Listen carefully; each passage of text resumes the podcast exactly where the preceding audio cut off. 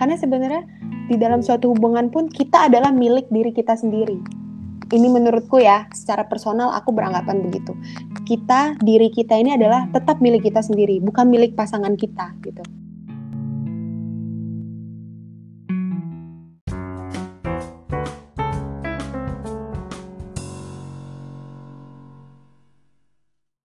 Uh, halo teman-teman semua, kembali lagi di podcast Yuk Bisa Yuk. Untuk episode kali ini, aku lagi ditemenin satu temanku aja nih.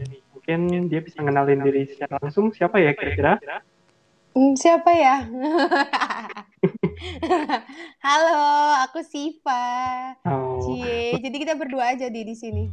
iya, ini. untuk kali ini kita mau coba gimana ya mungkin bisa dibilang deep talk kali ya. Mm -mm, asik. Okay. Curcol, curhat dong mama. Curhat mama dede. Mama Shiva. Oke oke. Jadi uh, Shiva, tahu nggak hmm. uh, untuk episode kali ini kita tuh mau bahas apa sih? Mau bahas tentang relationship. Hmm, kenapa tuh relationship sendiri? Kenapa ya? Karena berhubungan itu berhubungan antar manusia itu menurutku nggak mudah sih. Hmm. Banyak masalah-masalah yang akhirnya jadi besar itu cuman karena ada problem kecil di suatu hubungan gitu. Terus caranya gimana buat hindarin problem itu atau menyelesaikan problem itu?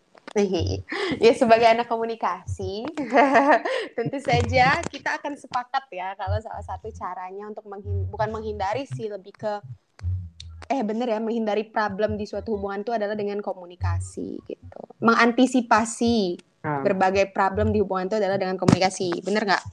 Ah betul banget jadi preventif gitu lah. Yes.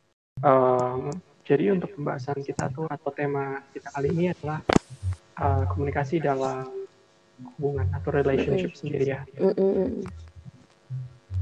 Jadi kan tadi kita sedikit uh, sepakat ya kalau komunikasi sendiri itu penting dalam suatu hubungan mm -hmm. untuk menghindari suatu konflik atau permasalahan sendiri.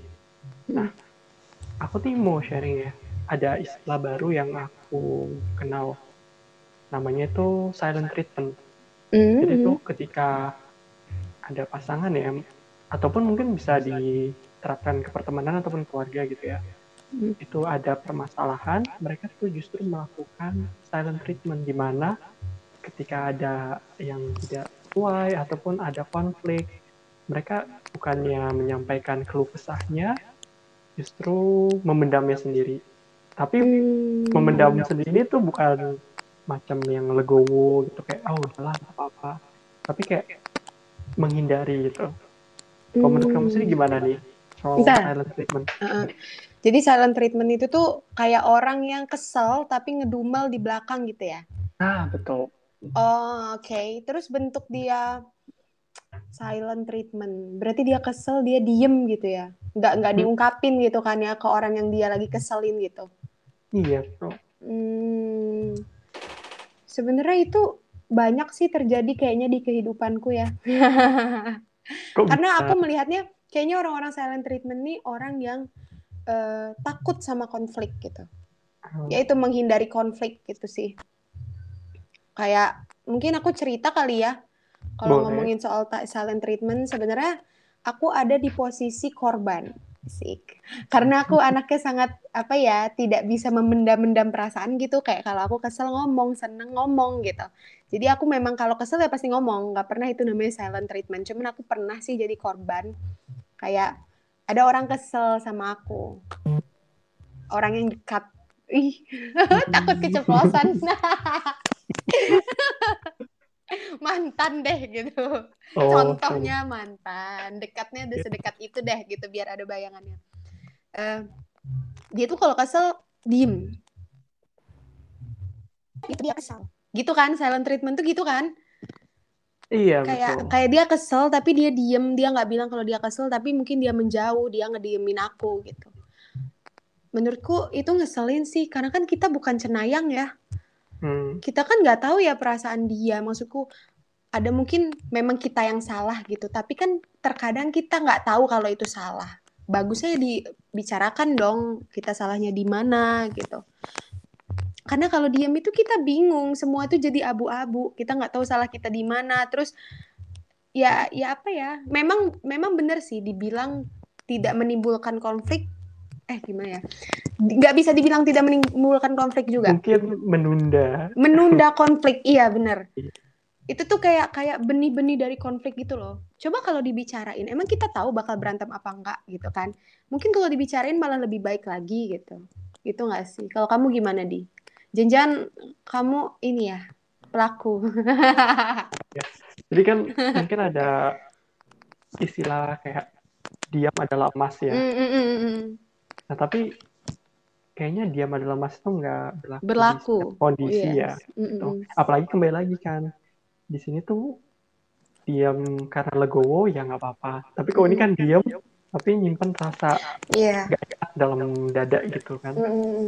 Nah kadang hal-hal yang kecil tumpuk ditumpuk-tumpuk nanti ke depannya justru bisa menjadi sesuatu yang besar gitu mm. karena memang dihindari terus gitu jadi kayak Shiva bilang kalau silent treatment sendiri itu bukan suatu yang solutif tapi suatu yang bukan preventif juga karena mm. masalahnya sudah ada tapi lebih menghindari mm.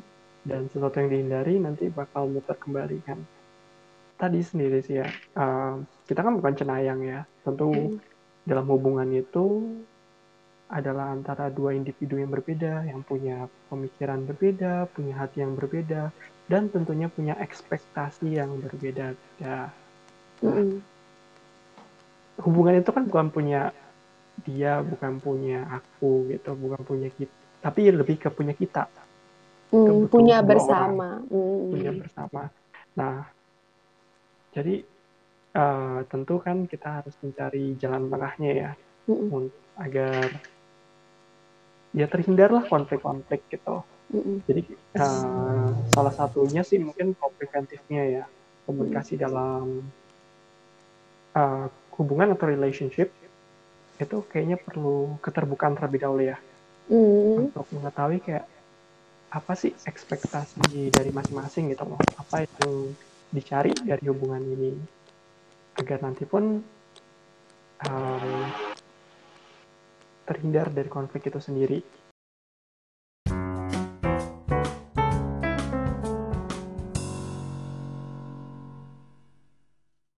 Bener ya, tadi ada dua hal gitu yang aku tangkap dari omongan Odi.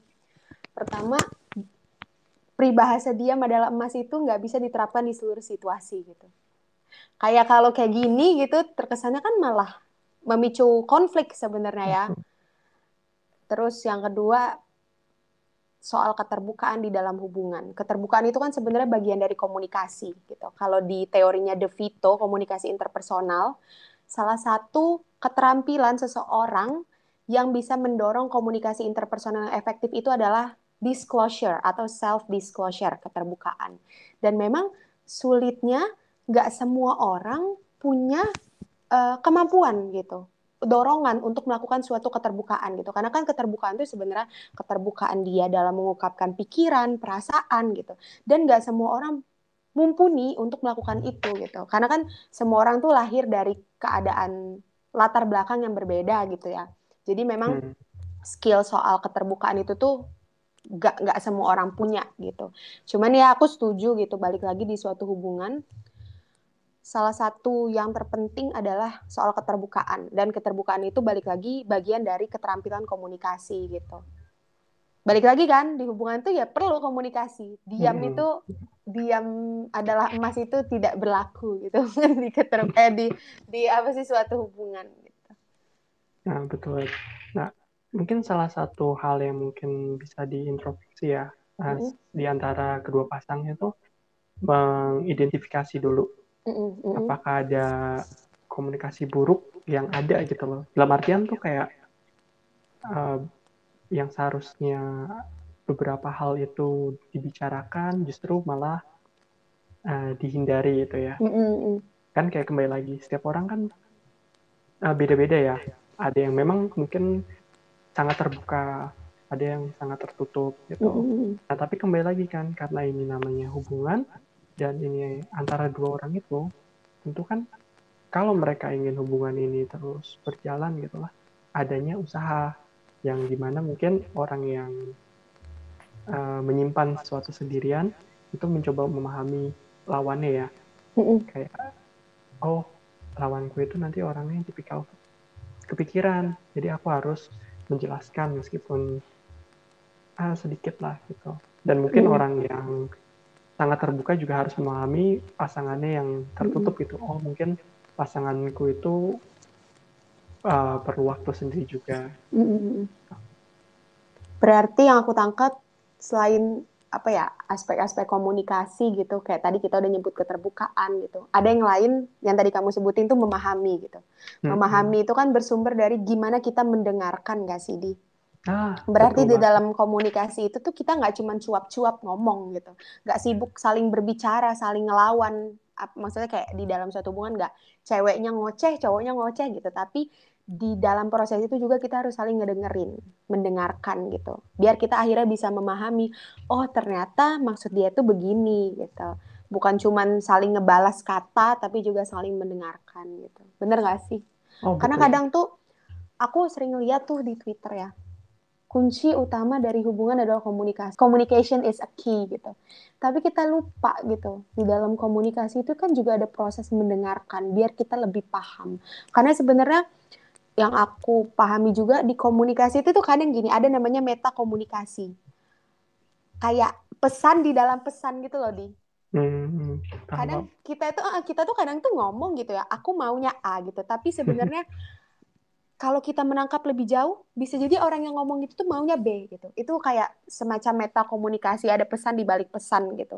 Dan kalau kita bisa kalau kita punya apa ya skill mendengarkan yang baik, mendengarkan secara empatik, kita bisa lebih nangkep gitu pesan-pesan macam itu gitu. Jadi yang kayak dua poin tadi yang kita udah dapat adalah akhirnya di, di suatu hubungan itu komunikasi itu terkait eh komunikasi itu erat banget kaitannya dengan keterbukaan dan juga mendengarkan. Bener gak sih? Oh betul banget. Mm. Karena ya tadi ya setuju. Uh, berhubung kita bicara komunikasi kan, mm-hmm. uh, yang mungkin sering dilupakan tadi kan, tapi kita udah jelasin harus mendengarkan juga, mm-hmm. jadi pendengar yang baik. Karena ya itu nanti kalau dua-duanya komunikasi, siapa yang mau dengerin kan? Iya yeah, betul. Makanya ajang debat jatuhnya. Asli, debat politik saya. Iya. Saya. Kan di sini kan kita nyari siapa yang benar, siapa yang salah, tapi nyari yang terbaik buat keduanya. Hmm, gitu, betul ya. banget benar-benar setuju kalau Shiva sendiri mungkin di past relationship-nya itu atau hubungan yang lalu-lalu ya mm -mm. itu bagaimana sih komunikasiku dengan hubungan yang lalu-lalu ya di hubungan hmm. yang lalu ya tadi sih udah atau sekarang nggak apa-apa sih? Eh maaf saya jomblo. Nggak tuh guys. kayak promosi gini. Nggak gitu dong. Oke okay, di past relationship ya. Hmm. hubunganku kayak tadi udah sedikit disinggung gitu. Aku belajar juga sih zaman dulu kan nggak nggak kayak sekarang ya kayak ada istilah silent treatment gitu. Kalau sekarang kan informasi-informasi kayak gitu tuh kayaknya gampang banget ya didap, didap, didapetin ya cuman mungkin berapa kali aku dikasih silent treatment gitu dan baru paham kalau itu tuh namanya silent treatment tuh sekarang gitu. Hmm. iya memang itu tuh bener-bener ngebingungin sih yang namanya silent treatment tuh. Aku ngerasa gitu dia kesel sama aku tapi aku nggak tahu salahku di mana. Gitu. Dan aku tipikalnya bukan mungkin ada di beberapa kasus orang yang ngerasa di silent treatment tuh minta-minta maaf. Aku tipikalnya nggak gitu. Selama kamu nggak ngasih tahu salah kamu salah aku di mana aku nggak mau minta maaf aku kayak gitu di jadi kayak menurutku kalau kamu kesel sekecil apa pun kamu tersinggung gitu dan kamu merasa tidak bisa menoleransi itu tolong bilang sama aku gitu biar aku tahu, biar aku bisa menilai, oh ternyata aku salahnya di sini, baru aku bisa minta maaf gitu. Aku gitu orangnya. Kalau misalnya aku merasa nggak salah dan dia nggak mau bilang aku salahnya apa, dia nggak mau negur aku, yang ngapain aku minta maaf gitu loh. Dan jadinya bener sih kayak gitu tuh. Jadi kalau dibiarin ya, kalau nggak bener-bener diomongin, di di, di deep talkin gitu, jadi konflik, jadi benih-benih konflik gitu loh. Nanti ketika berantem, ketika meledak, jadi dibahas ke mana-mana gitu. Iya. Terus di past relationshipku selain silent treatment apalagi ya? mungkin bukan ke, bukan ke contoh kasus ya, lebih ke aku tipikal yang senang mengkomunikasikan hal-hal kecil gitu. Mungkin aku perhatiin sih banyak orang yang takut mengkomunikasikan hal-hal kecil itu tuh karena takut dianggap baperan gitu. Kayak misalnya hmm, kamu iya. tersinggung, ya. ya kan? Kamu tersinggung pasanganmu ngomong apa gitu. Terus kamu ngerasa aku tersinggung, tapi kalau aku nggak ngomong, eh tapi kalau aku ngomong, kayaknya kok aku baperan amat ya. Ini kan sepele banget gitu. Please jangan berpikir kayak gitu. Aku gitu. Aku mikirnya, dulu aku juga sempat ada rasa insecure, ih gue baperan amat sih kayak gini doang dipermasalahin gitu. Tapi please jangan gitu. Mending diomongin gitu. Soalnya apa ya, memang kan toleransi orang sama hal-hal tuh beda-beda sih. Mungkin ada orang yang latar belakangnya gimana gitu jadi dia lebih sensitif sama hal-hal tertentu gitu dan itu harus dibicarain jadi pasangan kita tahu batasan gitu. Tahu tahu dia bisa bercandain hal yang kayak mana gitu. Apakah dia bisa bercandain si A si B si C gitu kan. Menurutku gitu jangan pernah berpikir di suatu hubungan tuh kita baperan atau apa pun jangan. Karena memang di suatu hubungan tuh kan semuanya pakai perasaan gitu loh. Betul. Iya kan, kita kan berhubungan sama orang tuh pakai perasaan bukan cuma pakai logika. Jadi nggak ada salahnya ngomongin perasaan sekecil apa pun, setersinggung apa, gimana pun gitu. Jadi dikomunikasiin aja. Jangan sampai berpikir kita baperan itu jangan. Gitu. Kalau Odi, gimana di?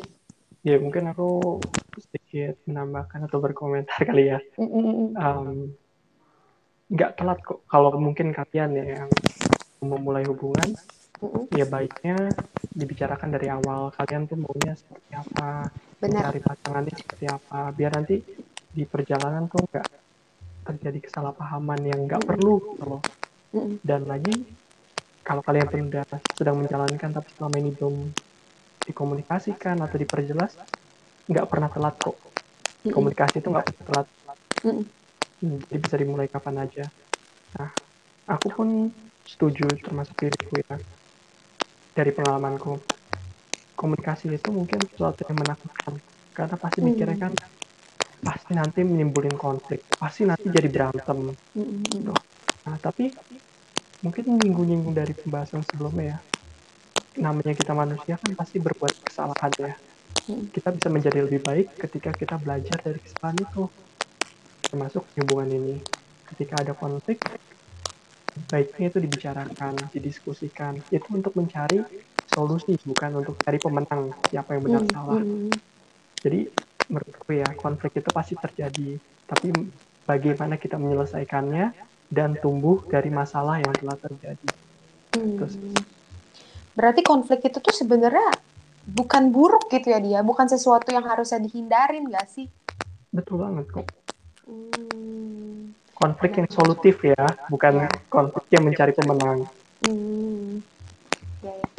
Tapi menurutku kalau memang di suatu hubungan dua-duanya itu ada keinginan untuk bareng-bareng terus gitu ya, hmm. pasti gimana ya? Kalau ketemu konflik ya pasti ada solusinya gitu loh. Iya. Kalau selama selama dua-duanya itu pengen hubungan itu kuat terus gitu bukan yang sibuk kan dengan ego masing-masing gitu kan kan butuh usaha untuk ya. mempertahankan dan menjalankan itu hmm. perlu usaha ya, dan ya. kalau pengen sama-sama masih bertahan ya butuh kedua pihak itu saling berusaha yes setuju setuju setuju aku jadi keinget pernah baca bukunya John Gray yang judulnya Men Are From Mars, Women Are From Venus gitu. Buku itu menarik hmm. banget sih kayak selama ini dia tuh kayak menekankan kalau selama ini di, di suatu hubungan sebenarnya tuh nggak ada yang salah dan nggak ada yang benar. Cuman kadang kita suka lupa kalau pada dasarnya cewek dan cowok atau perempuan dan laki-laki itu memang berbeda gitu. Makanya kenapa judul bukunya itu Men Are From Mars, Women Are From Venus gitu. Dia menceritakan kalau cowok itu tuh dari Mars dan cewek itu dari Venus. Mereka tuh dari dua planet yang berbeda. Bener-bener apa ya istilahnya makhluk yang berbeda gitu loh punya hmm, ada kucing maaf guys di kedengeran gak sih suara kucingnya kedengeran kok itu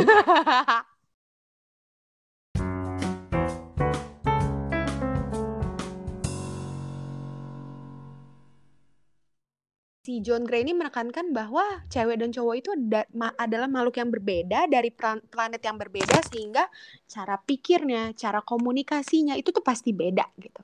Kita tuh lupa kadang sama hal-hal basic kayak gitu. Makanya kadang masalah-masalah yang di suatu hubungan tuh timbul dari perbedaan itu karena kita lupa kalau kita tuh memang berbeda gitu. Dan kayak ada hal menarik sih di buku itu. Aku kasih dua contoh aja yang konkret gitu. Ya contohnya ketika uh, lagi ada masalah gitu. Di buku itu dibilang kalau cewek lagi ada masalah itu senengnya cerita gitu. Cerita ke orang terdekat, cerita contohnya ke pacar, ke teman-teman, ke keluarga, ke orang tua gitu. Sementara cowok kalau lagi ada masalah itu nyumput gitu ke goa, masuk ke goanya gitu.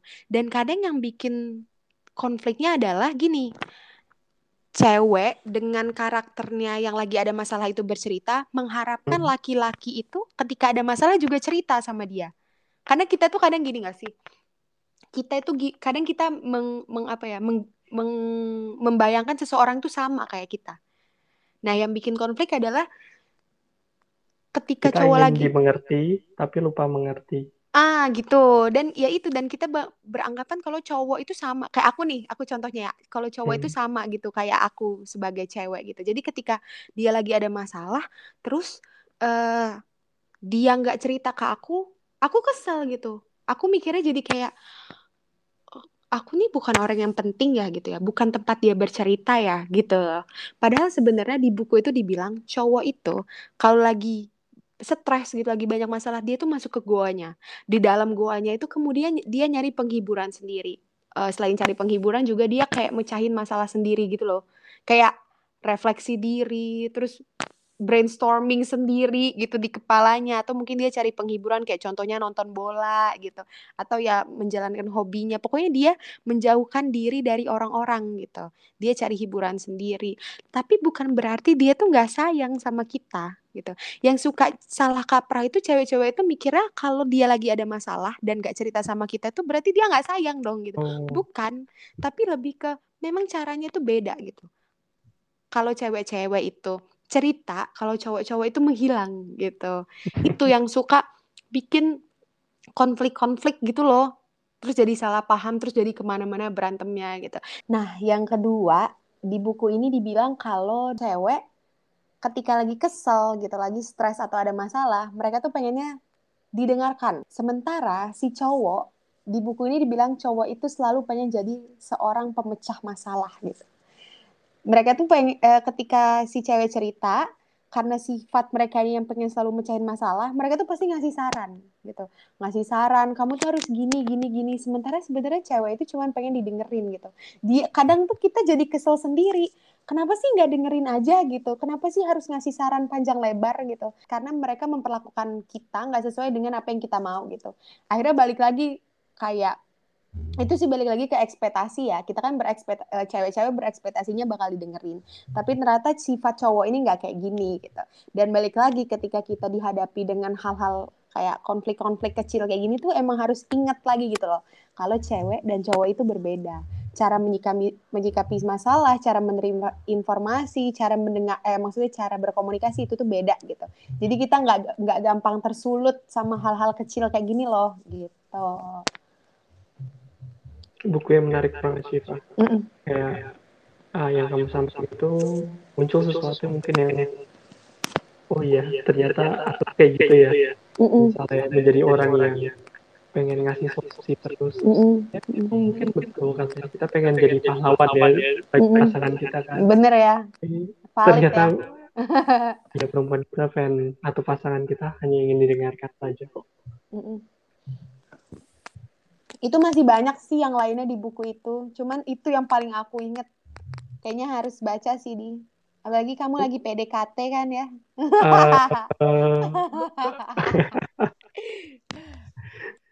oke oke.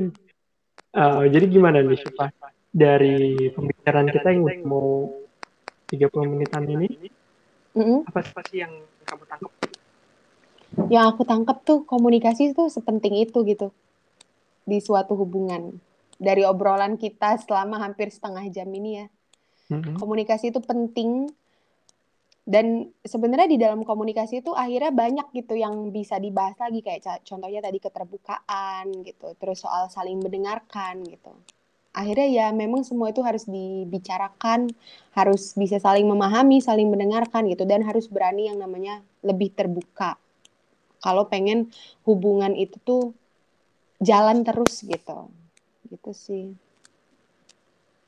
Ah, aku setuju banget. Pokoknya ngomong sama pasangan kita tuh harusnya sesuatu yang menyenangkan ya.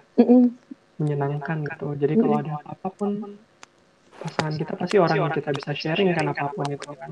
Iya jadi aku rasa mungkin kita juga saling memahami saling mem, ya, lagi membicarakan komunikasikan baik ataupun buruknya. Mungkin kita mau ngasih sedikit tips gitu ya hmm. cara berkomunikasi dengan lebih baik di suatu hubungan gitu. Oke, okay, gimana tuh? Yang pertama itu yaitu sih keterbukaan, berani mengungkapkan pikiran gitu, berani mengungkapkan pendapat kita, apa yang kita rasa gitu, apa yang ada di otak kita, apa yang ada di pikiran kita gitu. Dan kedua, gunakanlah pernyataan aku gitu. Kayaknya sepele ya, tapi eh, ketika kita bilang dari awal aku pengennya gini gitu, kayak lebih menunjukkan kalau intimate, lebih dekat. Iya, lebih intimate gitu ya kayaknya hmm. kalau menggunakan awalan aku gitu. Terus ketiga yaitu yang paling penting tadi adalah mendengarkan gitu, terutama mendengarkan secara empatik gitu ya. Terus balik hmm. lagi tadi kan kita bahas soal empatik juga itu posisikan diri Anda sebagai pasangan Anda gitu. Jadi ketika kita mendengarkan kita harus ngebayangin gitu. Oh, kalau kita jadi dia mungkin kita juga bakal kayak gini sikap kita gitu. Mendengarkan secara empatik. Empatik itu kan gimana kita memposisikan diri sebagai orang lain yang lagi kita dengerin gitu. Terus yang kelima berikanlah kebebasan pada pasangan anda untuk melewati konflik di dalam dirinya sendiri. Ini penting sih apalagi di umur-umur quarter life crisis ya. Maksudku mm-hmm. kayak hidup itu tuh nggak melulu soal kita sama pacar gitu kan kita kadang pusing kerjaan, terus kadang ada konflik-konflik di dalam diri kayak semacam overthinking. Banyak gitu yang di overthinkingin gitu. Jadi kita memang perlu kasih waktu ke pasangan untuk menyelesaikan konflik dia dengan dirinya gitu. Kadang ya itu dan mungkin cara orang beda-beda kayak tadi bukunya John Gray gitu. Kalau cowok mungkin ketika berkonflik dia menghilang gitu. Dengan dia yang begitu ya kita kasih waktu aja gitu loh. Jangan jadi kita seuzonin misalnya kayak apa sih lo nggak sayang sama gue ya makanya lo menghilang segala macam gitu jangan. Ya, Jadi Tapi mungkin itu, kayak apa? Um, kita nggak harus selalu ada saat mm, mm, tiap tiap mm, mm, tapi kita selalu ada kapan pun dibutuhkan. Iya, itu betul betul banget sih. Maksudku di umur umur sekarang tuh memang hubungan tuh apa ya dia nggak bisa mau bareng bareng bareng terus nempel ke mana-mana itu tuh nggak bisa gitu loh. Karena sebenarnya di dalam suatu hubungan pun kita adalah milik diri kita sendiri. Ini menurutku ya, secara personal aku beranggapan begitu. Kita, diri kita ini adalah tetap milik kita sendiri, bukan milik pasangan kita gitu. Jadi ya dua individu yang saling melengkapi, bukan menjadi satu individu. Yes, benar. Aku setuju sama itu. Jadi ya itu, semua orang pasti punya konflik masing-masing di dalam dirinya dan berikanlah waktu gitu untuk diri kita dan juga pasangan kita melewati itu gitu. Terus yang terakhir adalah yang keenam belajar untuk menghargai satu sama lain. Itu paling penting. Aku belajar sih dari hubungan-hubunganku sebelumnya.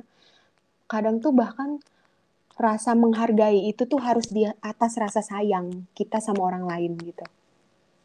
Karena kadang di suatu hubungan tuh tuh rasa sayang itu tuh nggak bisa stabil gitu loh di kadang kita tiba-tiba bosen tiba-tiba kayaknya hmm. rasa sayang itu hilang. Tapi as long as kita menghargai orang lain hubungan tuh bakal tetap berjalan gitu. Jadi apa ya di dalam suatu hubungan itu nggak melulu soal rasa sayang. Tapi yang menurutku yang paling atas adalah menghargai gitu. Menghargai orang lain gitu. Jadi ketika rasa sayang itu hilang kita tetap apa ya tetap bisa bertahan di hubungan itu. Yaitu balik lagi menghargai itu tuh kan nanti larinya ke komitmen gitu. Karena kan di dalam hubungan tuh bukan cuma perasaan cinta, tapi juga harus butuh komitmen. Dan komitmen, komitmen itu menurutku adalah bentuk dari menghargai pasangan kita. Gitu. Keren banget ya, Mbak Syifa ini ya untuk antriknya gitu ya. Oke. Okay. Mungkin aku mau nambahin dikit aja dari pembahasan kita ini tentu masih banyak banget yang belum mungkin kita sampaikan mm -hmm. gitu ya dan Benar. ada salah maupun kurang. Dan kembali lagi hubungan itu nggak perlu soal pasangan bisa ke keluarga maupun pertemanan. nah kebetulan nanti kita di episode selanjutnya mungkin kita bisa lebih mendalami dari hubungan keluarga. gitu. jadi mungkin untuk episode kali ini kita cukupi dulu. uh, untuk nanti kalian penasaran mungkin terkait kalau hubungan keluarga itu uh, dinamis seperti apa sih komunikasi yang terjadi? itu apa? Konfliknya itu apa? nanti bisa didengerin di episode selanjutnya ya. mungkin dari aku sendiri aku mau uh, minta maaf kalau ada salah kata atau kurangnya di podcast kali ini. nah, aku mau terima kasih banyak juga buat Shiva yang udah sharing banyak curhat ya. Coba mungkin ada satu dua kata see you on next episode aja untuk ngebahas hubungan-hubungan selain hubungan yang uh, pacaran gitu ya. Nanti di next hmm. episode kita bakal bahas hubungan soal keluarga dan juga teman-teman sama Mbak Fusna dan Mbak Perti. Dah. See you on Wah. next episode. Oke, terima kasih yang bye mendengarkan. Bye. Dadah. Dadah.